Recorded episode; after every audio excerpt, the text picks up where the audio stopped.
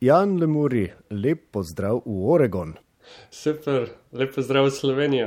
Še petalec z delfinom, človek, skratka, ki je bil že marsikje, ter počel in doživel že marsikaj. Ko ne veš, kje bi začel, začni na začetku, recimo, ne, rojen v Škofi Loki, otrok narave, tabornik, ki pa mu bližnjih par hribov in tistega nekaj malega gozda niso bili dovolj. Kako to? Od nekdaj je bilo meni želja potvati in tej želji sem preprosto mogel slediti. Je bilo prek štopa, prek tega, da sem delal uh, izmenjavo na različnih organskih kmetijah in tako naprej. A je res, da ste štopali pravzaprav tudi k pouku kot dijak in to škofe loke uh, pol ure pred začetkom pouka? Kot študent, kot študent, kot študent. v Ljubljani. Aha. 27 minut je vožnja škofeloke do Ljubljana, če ni nobenih zastojev in če imaš vse zelene luči. Tako se pravi, sem se 30 minut prej odpravil kot večni optimist, ampak študentskih 15 me je doskrat rešil. Eh, sicer pa eh, ste se odpravili na svoje prvo daljše potovanje tudi na način, eh, ki ga opisujeva, torej z avtoštopom na Islandijo ste šli. Leta 2007 sem okoli Islandije štopil, to se pravi cel obroč okoli Islandije.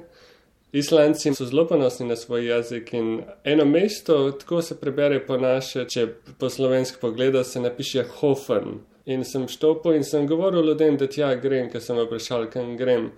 Pa noben ni vedel, kam grem. in pa eno mi končno stav, jaz rečem, gremo Hofen.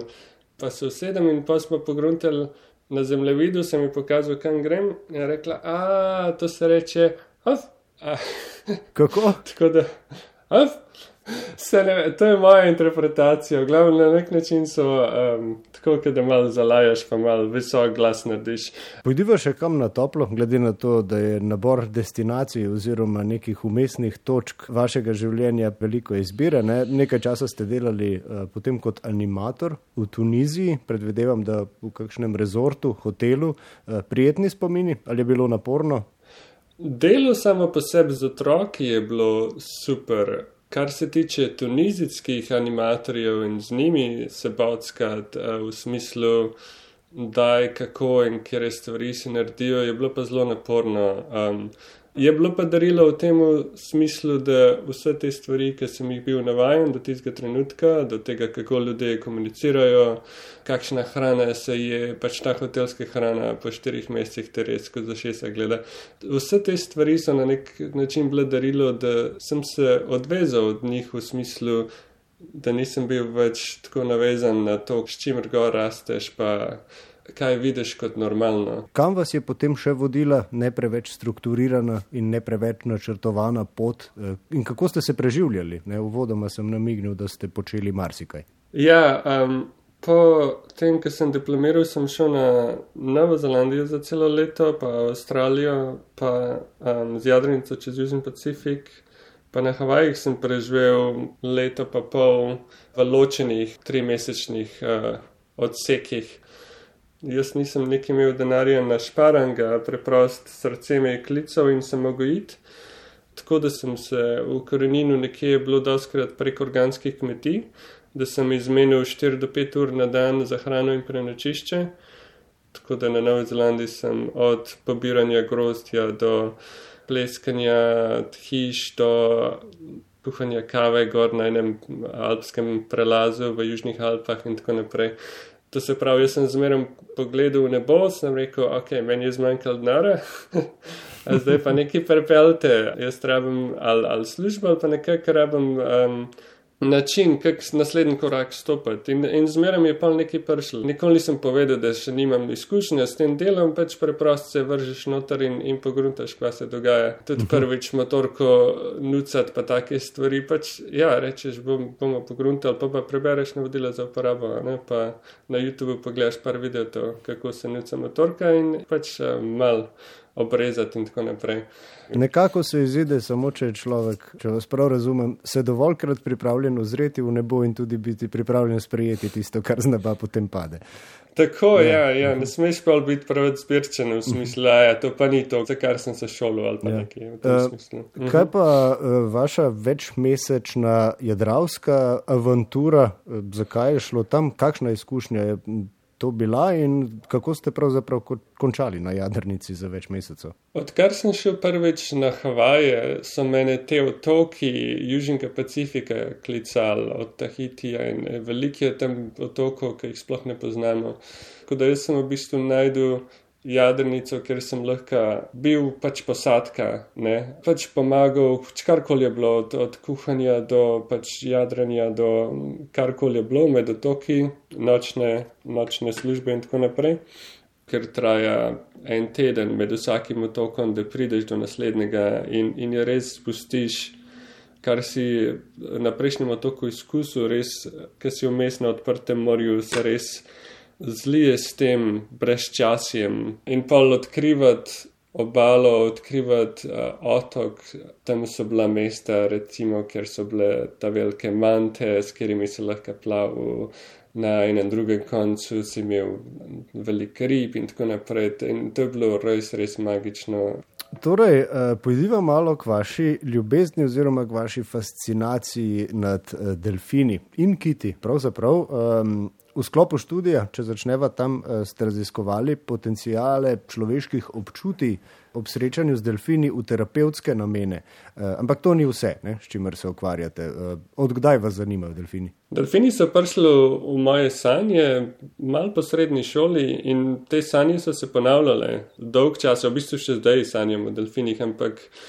Bilo je to fascinantno, ker nikoli prej nisem imel nobene zares povezave z njimi in v bistvu je bilo leta, preden sem prvič plaval z njimi, da so se mi sanje ponavljale. A sem rekel, ok, očitno moram nekaj narediti v zvezi s temi sanjami. Tako da jaz sem prvič, ko sem šel na Havaj, bilo zaradi tega, da plavam z njimi a, in vidim, kaj se zgodi. In iz tega je pol prišel ven, moj cel življenje se je obrnil čisto novo smer. Um, ta prva izkušnja z njimi bila pač izkušnja blaženosti, jaz te drugih besed na nek način nimam, kot pač te izkušnja, ki je zelo na nek način duhovna. Ne. To me je pa res vodilo na mojem potovanju, da sem potoval na place, kjer delfini ali kiti so, kjer se da z njimi plavati. A, diplomsko nalogo sem v zvezi s tem naredil na, na fakulteti za socialno delo, pač zanimalo me je, kako se te izkušnje delfini uporabljajo v teh pač terapevtskih poklicih.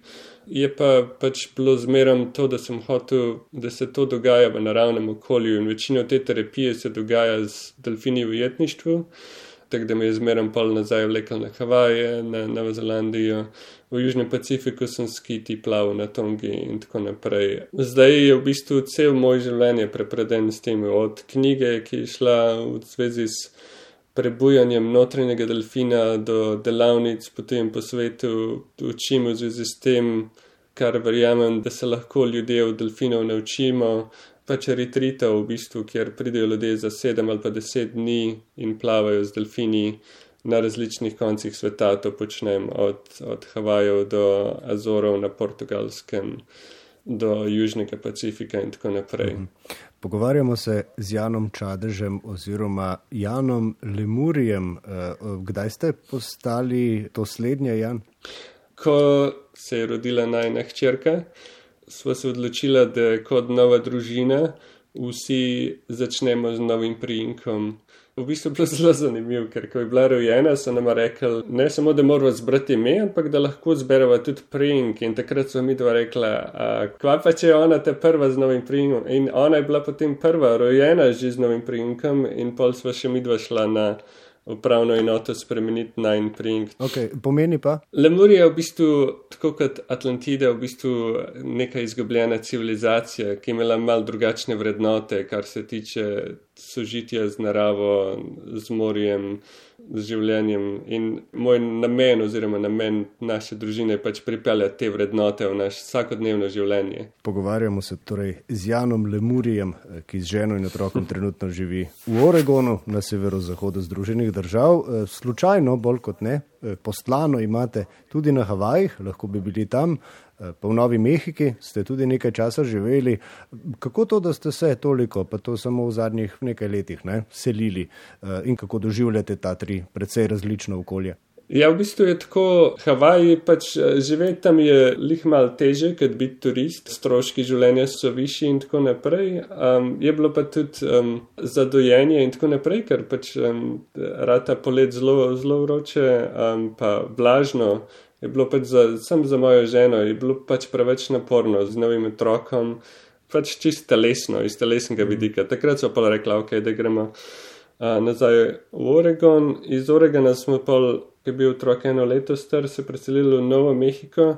To je bilo spet, ko šli smo za dva meseca, pa pol smo se kar odločili, da ostanemo. Nova Mehika je pa spet čist drugačna. Kjer smo živeli, je 2100 metrov nadmorske višine, imajo pa ljudje kar težave, včasih s pomankanjem kisika in tako naprej. Pač je to visoke puščave, se reče, in zelo, zelo drugačna. Če ste brali Vinetu, je kot otrok, jaz sem ga zelo rad bral tam so v bistvu bili Apači, ob Rio Grande, zadnji imaš um, te skalno gorovje, Taos, kjer smo bili v bistvu na nek način tako smučarsko mestece, tako malo turistično mestece v visoki puščavi. Zdaj živite torej v Oregonu, v mali Sloveniji. Ja, zdaj bi lahko rekli, sodeč po vašem opisu, ne? s tem, da ni manjši, no, ampak uh, nekako ja. podoben.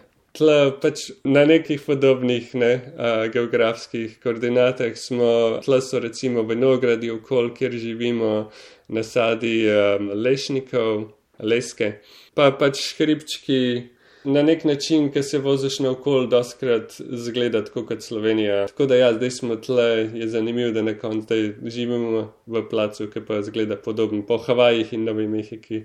Recimo. Ja, in vsem vmes, eh, po vodi in po kopnem. Vaša partnerska zveza ima tudi nekoliko netipično, no, mogoče za ameriške razmere, niti ne tako zelo atipično ali pa nelogično progresijo.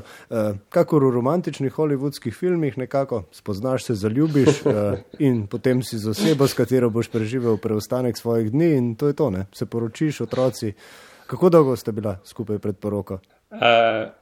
Fizično en mesec, um, prek interneta so se spoznala, mogoče štiri mesece prej, preden so se potem poročila. Pač spet, prej sem govoril o zaupanju, o tem, da te srce vodi in tako naprej. Pač na tak način se je vse skupaj zgodil, plus en mesec zatem bi jaz mogel zapustiti Združene države in so se preprosto odločili, da čeprav nisva imela za dost časa in z drugim, da bi se kar poročila smo se odločili, da pa tudi nočemo se iti nekega razmerja nadaljavo in da je preprost, bolj logično in lažje, da se poročiva tudi zaradi papirjev in se je obrestovala ta odločitev. Skratka, iz ljubezni in spontano, nič eh, neorgansko, ampak birokracija je recimo, da malce pomagala pri eh, časovnici, verjetno. Ja, pospešila.